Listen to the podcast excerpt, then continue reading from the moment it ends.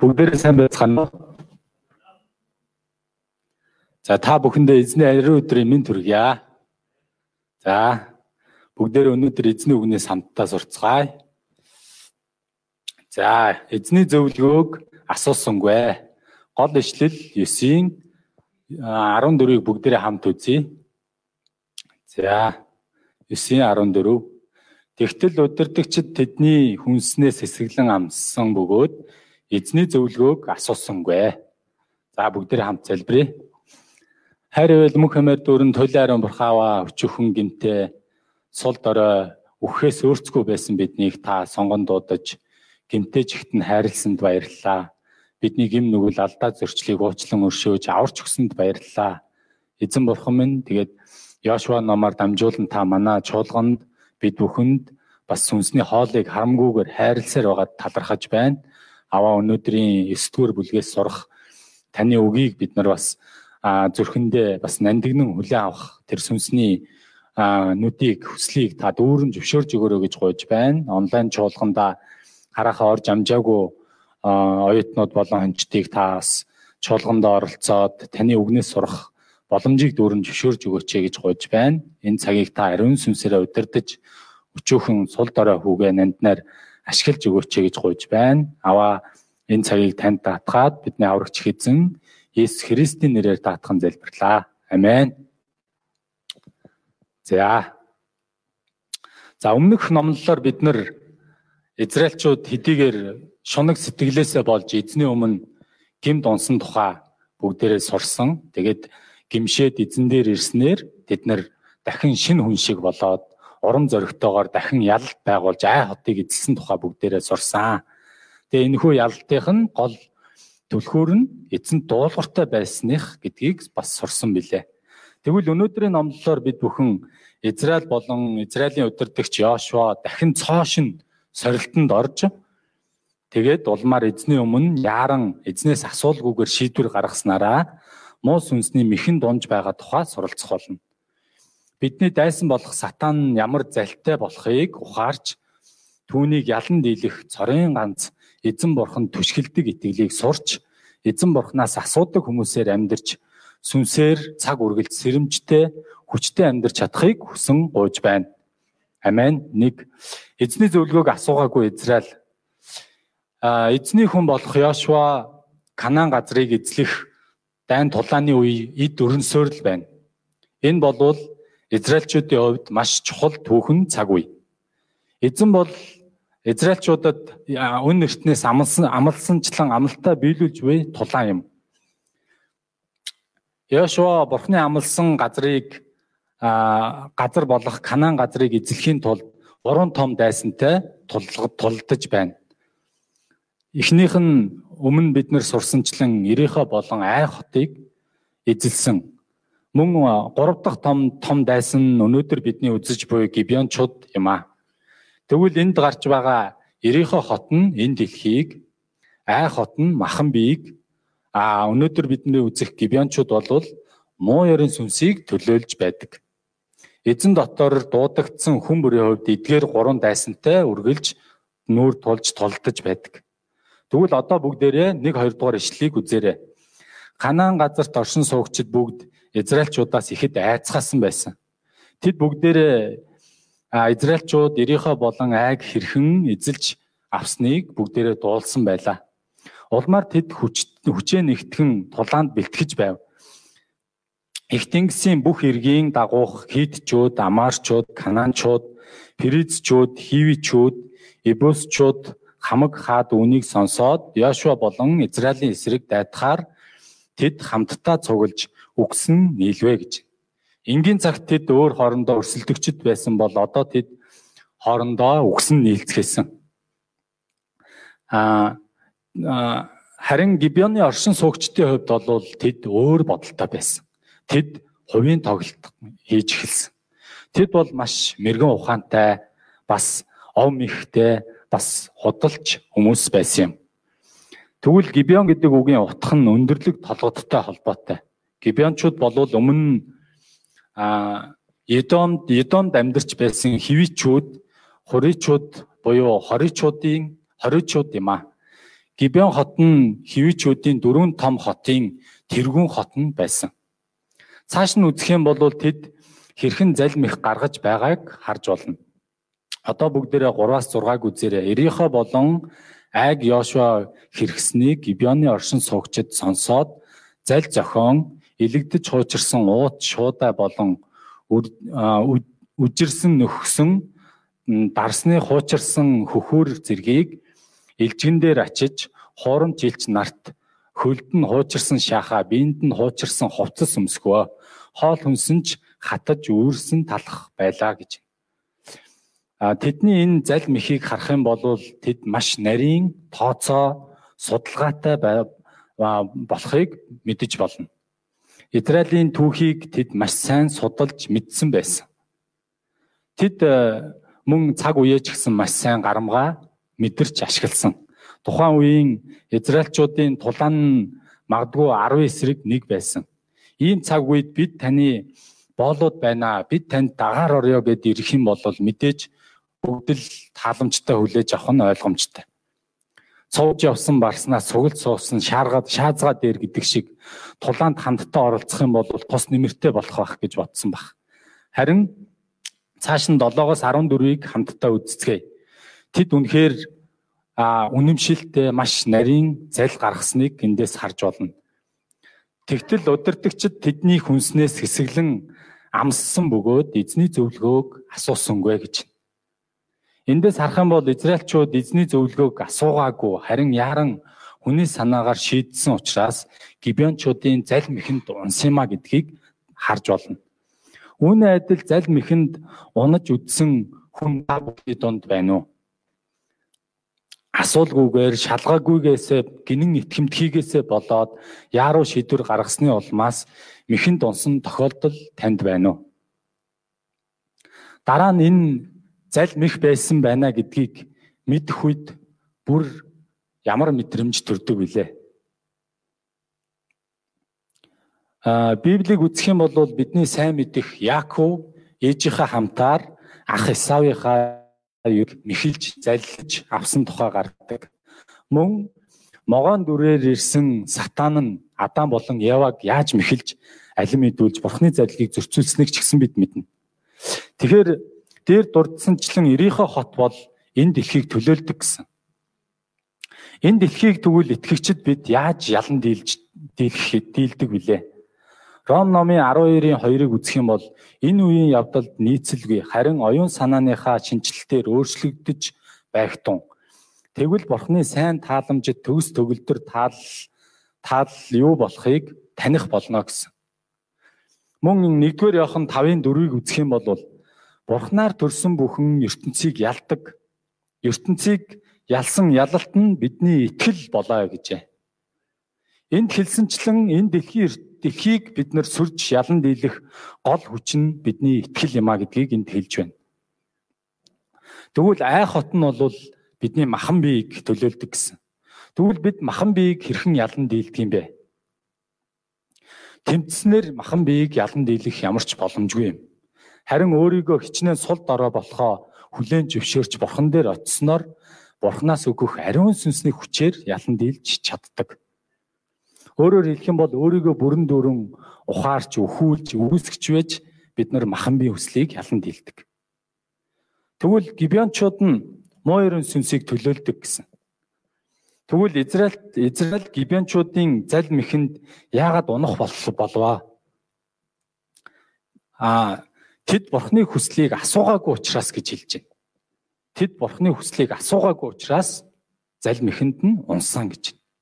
Өөрөөр хэлэх юм бол тэд Бурхны хүсэл таалал нь ямар юм бэ? Ямар байсан юм бэ гэж огтхонч бодож үзээгүй Бурханаас асууж залбирах авчүүхэн тийм сэтэл оролдлого хийгээгүй учраас гэдгийг хэлж байна. Тэгвэл энд Эфес номын 6-гийн 11 12-ыг үзэх юм бол та нар диаволын зал мэхний эсрэг зогсож чадахын тулд Бурхны өвч зэвсгийг агсаараа гэж. Учир нь бидний тэмцэл бол мах цусны эсрэг биш харин энэхүү харанхуй ертөнцийг захирагч эрх мэдэл хүчнүүд тэнгэрлэг оршихуй дахь муу ёрын сүнсний сүнслэг хүчний эсрэг билээ гэж байна. Тэгэхээр бидний дайдах ёстой, дайсан тэнцэх ёстой зүйл маань мах цусны эсрэг биш юм аа. Энэ бол мойрын сүнсний эсрэг юм а гэдгийг энд хэлж байна. Мойрын сүнс а сатаны хамгийн шилдэг арга бол биднэр лөө дайраад хамгийн эхлээд эргэлзээ сулгахыг л хүсдэг. Мөн өнөөдрийн зарлиг дээр гарсанчлан мойрын сүнс биднийг булан чахдаг. А маш яаруу гарах гарцгүй болгож а өөрийн санаагаар хурдан шийдвэр гаргах нөхцөл байдал руу шахдаг гэдгийг бас энэ дээр зааж өгч байна. Мөн цаашлах юм бол бид нарыг шашинлаг байдалд автуулахыг хүсдэг. Тэгээд өөрийгөө өөртөөгөө нэгдүүлэхийг хүсдэг, өөрийгөө магтуулахыг хүсдэг.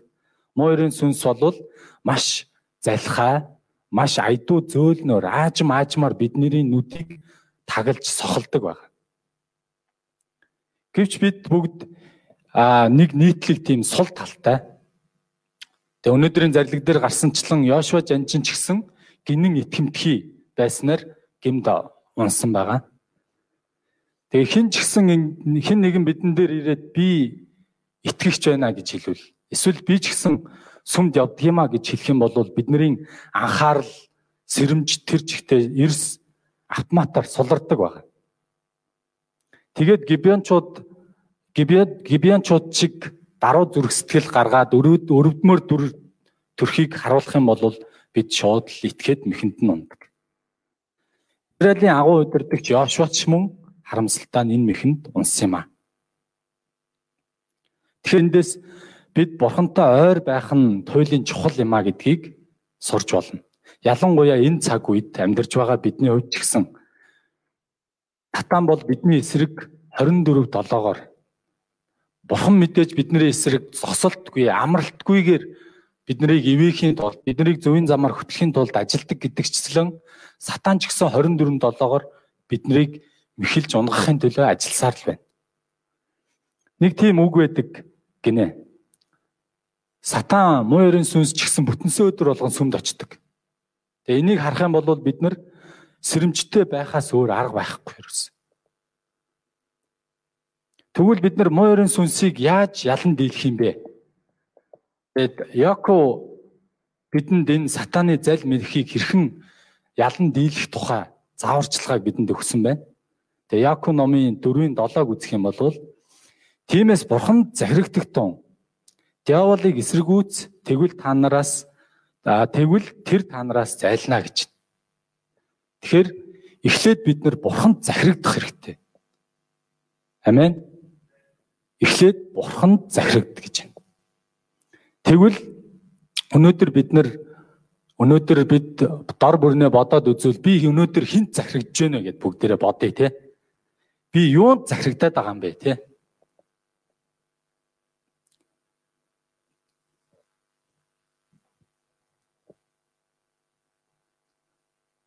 Бурхан биднийг бүхий л талаар захирахыг хүсдэг. А диавол ч гэсэн эсэргээрээ бид нарыг захирахыг хүсдэг. Тэгэхээр бид нар диаволыг эсэргүүцэхийн тулд бид нар өөрөө өөрийгөө захирах биш. Эсвэл магадгүй бид нар энэ дэлхийн зүйлд захируулах биш. Харин бид нар бурханд захирагдах хэрэгтэй. Тэгжээж бид нар диаволыг эсэргүүцэж чадна. Диавол өөрөө биднээс зайлан одно гэж. Амен. Миний хувьд ч гэсэн эзэн бурхны өсөл тааллыг асуух сэтэл өчөөхөнч байхгүй өөрийн санаа бодлоор ажил амьдралын асуудал нэг бүрд хандаж өөрийн санаа бодлоор шийдвэр гаргах нь элбэг амьдрдаг. Бурхан надад ямар нэгэн асуудал өгөх үед ихэд гайхаж бурхан дээр очиод яагаад ийм зүйл болж байгаа юм бэ гэд асуудаг. Гэвч энэ номлоор дамжуулан миний дуулуургүй байдал намайг ийм байдалд оруулдаг юм байна гэдгийг суралцлаа. Мөн сүнс болон сэтгэл санаагаар хүчгүй болж гмийн бодолд автагдаж улмаар итгэхгүй үр жимсгүй амьдарч байгаа намайг эзэн бурхан минь гимшүүлж өгөхийг хүсэн гуйж байна. Эзэн бурхан минь танд хандан чин сэтгэлээр бүхий л талаар танд захирагддаг байхад тусалж өгөөч. Талархал болон даруй байдал дотор итгэлээр амьдрах ивэлийг хайлж өгөхийг Есүсийн нэрээр гуйж байна. 2.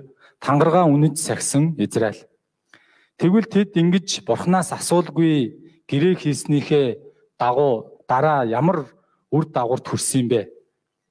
Одоо бүгдээрээ 16 дугаар ишлэлийг үзээрэй. Гэрээ байгуулснаас хойш 3 хоногийн дараа тэд өөрсдийнх нь нутагт амьдарч буй хөрс үндэстэн болохыг израилчууд мэдсэн гэж. Тэгээд Гибиан Гибианчууд бол тийм өөрснийх нь хэлсэнчлэн алс солоос ирээгүй байсныг тэд мэдсэн.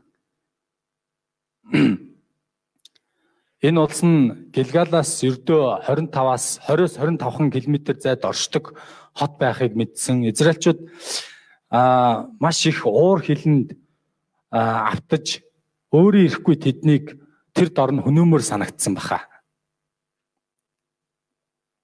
Тэд бол бурхны устгаараа заавал устгаараа гэж тушаасан хүмүүс байсан. Тэд бол Израильчуудын байлдан эзлэх ёстой газар нутагт байсан. Гисэн хэдэж тэд Израильд дагаар орох энхийн гэрээг нэгэнтээ байгуулчихсан. Одоо тэднийг устгах боломжгүй болсон. Учир нь Израильчууд эзний нэрээр эзний нэрийг барьж тангаргалан гэрээ байгуулсан учраас юм аа.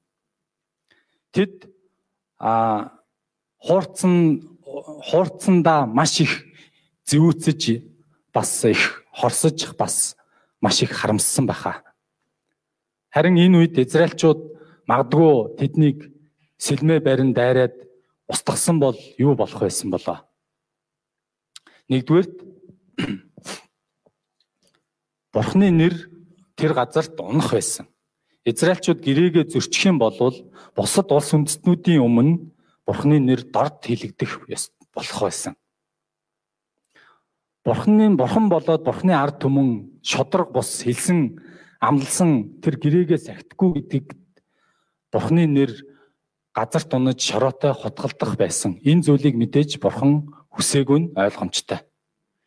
Бидний сайн мэдих эзний заасан гуйлтыг бид нар харах юм бол Тэнгэрт байгаа бидний аваа таны нэр ариунаар дуурсагдах болтугай гэж залбирдаг. Мөн төгсгөлд нь таны хаанчлал алдар суу а үрд мөнхөд таних юмаа гэж бид нар залбирдаг. Тэгвэл эндээс ингээ харах юм бол Бурхны нэр цаг үргэлж ариунаар дуурсагдах ёстой юм аа. Тэгвэл Бурхны нэрийг ариунаар дуурсуулахад хэрэглэгдэх хүмүүс нь итгэгчд бид юм аа. Бид Бурханд л зөвхөн алдрыг өргөж, зөвхөн Бурханд үйлчилж, цар ганц Бурхныг магтах нь зохистой юм аа. Цорын ганц магтаал авч өөртөө алдрыг авах зохистой нэгэн бол эзэн бурхан юм аа. Тиймээс бурханы нэрээр амлсан амлалтаа заавал биелүүлэх учиртай. Хоёрдугаарт хүн хоорондоо итгэх итгэх итгэлцэл гэж үгүй болох байлаа. Ямар нэгэн гэрээ хилцэл хийх хийсэн гэх юм бол тэр гэрээг цуцлах заалт гэж байдаг. Тэрхүү заалтанд ороогүй шалтгааны улмаас тэрхүү гэрээг цуцлах юм бол энэ нь хууль зөрчсөн хэрэг болдог. Магдгүй тэгээд гэрээг хууль зөрчин барин цуцлалаач гэсэн эргээд тэр хүнтэй тэр байгууллагатай гэрээ хийх хүн байхгүй болно. Яг гэвэл ихтгэлцэл үгүй болж байгаа.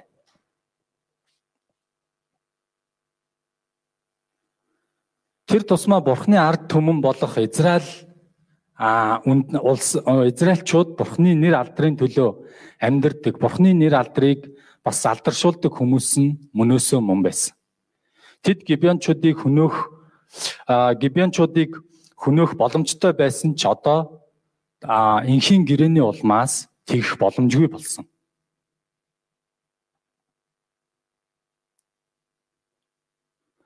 Мөн Израильчууд Бурханаас а имийнхийг урдл болгосон юм. Хэрвээ тэд бурхнаас имээлгүйгээр гэрээгээ зөрчсөн бол маш олон асуудлуудыг араасаа дагуулах ёстой байлаа. Тэгвэл одоо гибиончуудтай гэрээнийхээ дагуу хамтран амьдэрснаар тэдэнд юу болох вэ? Нэгдүгээр тэд кананчуудад а Израильчууд болон хамтран амьдрахад харь үндэстнүүдийн нөлөөг автоматар авахар болсон юм. Гибиончууд нь бусад харь үндэстнүүдийн адил химэл шүтэн шүтдэг бас ёс суртахуун гим нүгэлд автагдсан үндэстэн байсан. Тэгэхээр Израильчууд хамт амьдрахад өөрийн ирэхгүй энэ нөлөөнд автахаас өөр аргагүй болох юм.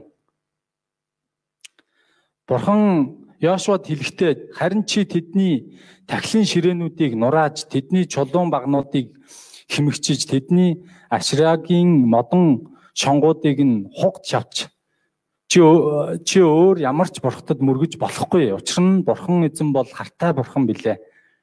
Мөн бурхан хэлэхдээ тэр газрын оршин суугчтай гэрээ байгуулж болохгүй. Учир нь тэд бурхтаа бурхтаа даган завхаарч бурхтынхаа бурхтдаа тахил өргөх үед хэн нэг нь чамааг урьж тэр тэр тахилаас нь чи идэх үедээ хэмээн бурхан маш тодорхойгоор анхааруулж хэлж байсан байна. Гэвч тэд нэгэнтээ том алдаа гарган тэдэнтэй гэрээ байгуулчихсан. Хоёрдугаарт тэд Гибен оршин суугчдыг амьд үлдээхийн үлдээгээд дайн тулаан хийсэн ч цаашид тэд ямар яаж өөрчлөгдөхийг тэд мэдэхгүй байсан Израильчууд. Түүнчлэн Израиль тэдэнтэй инхийн гэрээ байгуулсан тул одоо тэднийг Канаанчуудаас хамгаалах бас үүрэгтэй болсон байна. Тэдний тэд инхийн гэрээ гэрээ байгуулсан боловч тэднийг дайрч хөнөөх гэвэл оролцохгүй зүгээр хараад өнгөрөх боломжгүй болсон. Хожим нь Йошуа жанжин тэднийг хамгаалж бас тэдэнтэй хамт дайн тулаанд орсон тухай 10 дугаар бүлэг дээр гардаг. Тэгэхээр энд Израиль ард түмний хувьд энэ Гибеоны асуудал бол маш том толгой өвдөгсөн асуудал болж хувирсан. Ягд эзний хүсэл тааллыг асуугаагүйгээр яаран а а сайн нягталж баталгаажуулаагүйгээр ийм инхийн гэрээ байгуулсан бэ гэж ард түмэн Йошуа жанжныг шүүмжилсэн. Энэ маягаар тэд дайны өмнө өөр хоорондоо хуваагдаж талцаж маргалтсан болвол магадгүй Канаан газрыг эзлэхээс өмнө мөхөх мөхөх аюултай байсан. Ямар ч улс үндэстэн сүм чуулган албан байгуулагч тэр удирдгчд болон өөр хоорондоо дотроо хагаралтаж хуваагдах юм бол мөхөх аюултай байдаг. Тэгвэл а овг аймагуудын ахлагчдын байр суурин тэгвэл яг ямар байсан юм бэ? Гэвч удирчиг удирдагчид бүгдээрээ даяар хотол түмэнд а бид Израилийн бурхан эзнэр тэдэнд тангаргалсан бөгөөд одоо бид тэдэнд хүрч чадахгүй болсон. Харин бидний хийх зүйл бол тэдэнд өргөсөн тангаргаасаа няцхаас болж бидэн дээр уур хилэн буухгүй тулд бид тэднийг амьд үлдээнэ гэвэ.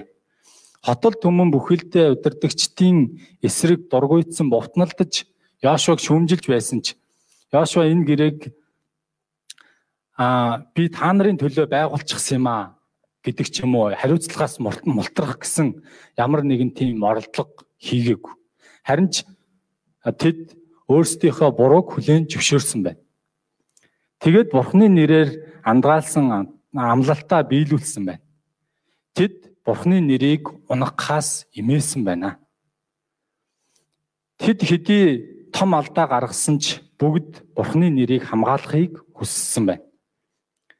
Тэд ариун амьд Бурхны дор нэг болж Яошуаг уучлан өршөөж өгөхийг Израильчууд Бурханаас гуйсан баха. Израиль Бурхны дотор нэгдмэл болж чадсан байна. Амен. Энэ бол Бурхны ард түмний хувьд даруй төлөв нэгдмэл байх нь маш чухал зан чанар юм. Бурхны нэрээр амласан, байгуулсан гэрээг гэрээнд алдаа гарсан ч байлаа гэсэн Бурхны нэрийн төлөө тэр зүйлийг заавал сахин биелүүлэх хэрэгтэй гэдгийг энд зааж байна. Ямар ч алдагдалд орохоор байсан ч, ямар ч гутаан доромжлол эсэргүүцэл, ямар ч хохирол, ямар ч эрсдэлд орохоор байсан ч амлалтаа сахин биелүүлэх хэрэгтэй. Бидний үг хэлнэ за бол за, үгүй бол үгүй байх ёстой.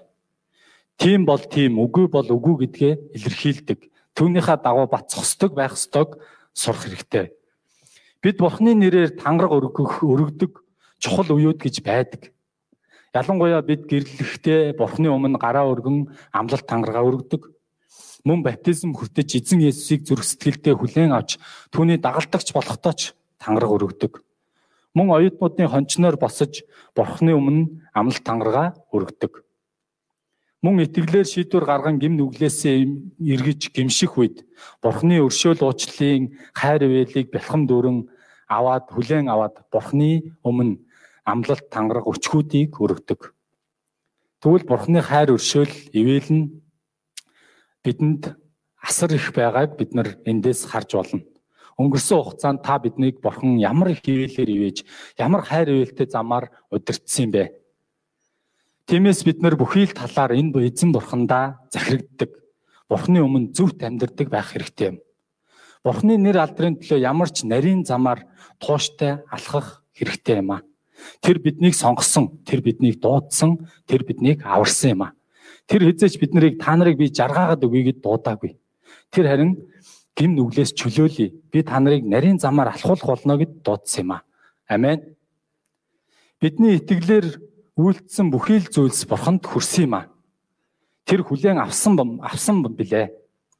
Есүсийг дагахын төлөө та бидний өнгөрсөн хугацаанд золисон өчүүхэн зүйлсийг ч гэсэн бурхан хүлээн авсан юм. Энд нарийн замаар алхсан Паул төгсгөлд нь амьдралаа дүгнээд хэлэхдээ юу гэж хэлснийг та бид бүгд сайн мэдж байгаа. Паул би итгэлээ сахисан би замаа дуусгасан гэж хэлсэн. Тэр сүнсний хувьд хайр ивэлийг эзэн бурхнаас дүүрэн эдэлсэн юм а. Үүний адилаар өнөөдөр эзний өмнө итгэлээр зогсож байгаа хэн боловч эзний ерөөлийг хүртсэн билээ. Тиймээс бид бурхны өмнө амлсан амлалтаа сахих ёстой юм үр жимс гаргах хэсэг нь а үр дагавар нь шагнах, шагнагдах, хичнээн шагнуулах хэсэг нь бурханд байдаг юм а. Амен. Дүгнэлт. Сатаны залмих нь ямар нарийн хүний нүдээр харах юм бол ялгаж салахын, салгахын аргагүй хэцүү байдгийг энд сурталцлаа. Мөн эзэнд хандан хандл хандаагүйгээс яран шийдвэр гаргаснасаа ямар үр дагавар бий болдгийг мөн суралцлаа. Бид бүхий л талаар эзэнд захирагдах нь хичнээн чухал болохыг мөн суралцлаа. Эхлэл гэдэг зүйл дахин шинээр эхлэх гэдэг зүйл мянган удаач байж болно. Харин нэг л төгсгөл биднийг хүлээж байгаа. Дуулууртай ялалт байгуулдаг нь байгуулдаг нэг л нэг л төгсгөл нь чухал юм. Чуулганы бүхий л ахан дүүсийг маань а эзэн бурханд захирагддаг итгэлтэй даруй хүмүүсээр амьдруулж өгөхийг хүсэн гуйж байна. Энэ дэлхийн болоод мах бодийн мөн сатаны ов мэхийг эзний хүч чадлаар ялан дийлж амьдарч чадахыг хүсэн гуйж байна. Амен. За бүгдээрээ хамтдаа залбирая. Хайр ивэл мөнх амаар дүүрэн туйлын ариун бурхааваа үнэхээр энэ цаг үед энэ дэлхий дээр таны сонгогдсон таны хүмүүс таны хүүхдүүд болох онцгой эвэлийг өгсөнд үнэхээр талархаж байна харин сатаны залмих үнэхээр нарийн үнэхээр бид нар өөрсний нүдээр өөрсний хүчээр ядаж салахын аргагүй бас хүчтэй байдаг гэдгийг бас ухааруулж өгж байгаа талархаж байна. Бид нар үнэхээр таны өмнө сул дороогоо ухаарж бүхий л талаар танд захирагдсанаар сатаны залмихийг ялан дийлдэг хүмүүсээр амьдрахад та тусалж удирдах өгөөч гэж гуйж байна. Аваа тэгээ хамт байсанд баярлалаа өнөөдөр ч гэсэн Яшуа номыг Яшуа 14 дугаар бүлгээр дамжуулж таны үгийг сурах эвэлийг өгсөн талархаж байна. Таны үгийг сонсож байгаа бүхий л ахан дүүсийн маань дээр таны хамгаалалт, таны хүч чадал, таны өрөөл нь дүүрэн байх болтугай гэж гуйж байна. Биднийг сорилтоос та гэтлгэж өгөөч гэж гуйж байна. Аваа бүх алдар магтаал нь эцэстээ танд бялхам дүүрнээр өргөгдөх хүрэх болтугай гэж гуйж байна бүх алдар магтаал нь танд байх болтугай. Бидний цорын ганц аврагч хэзэн Есүс Христийн нэрээр даатхан залбирлаа. Амен.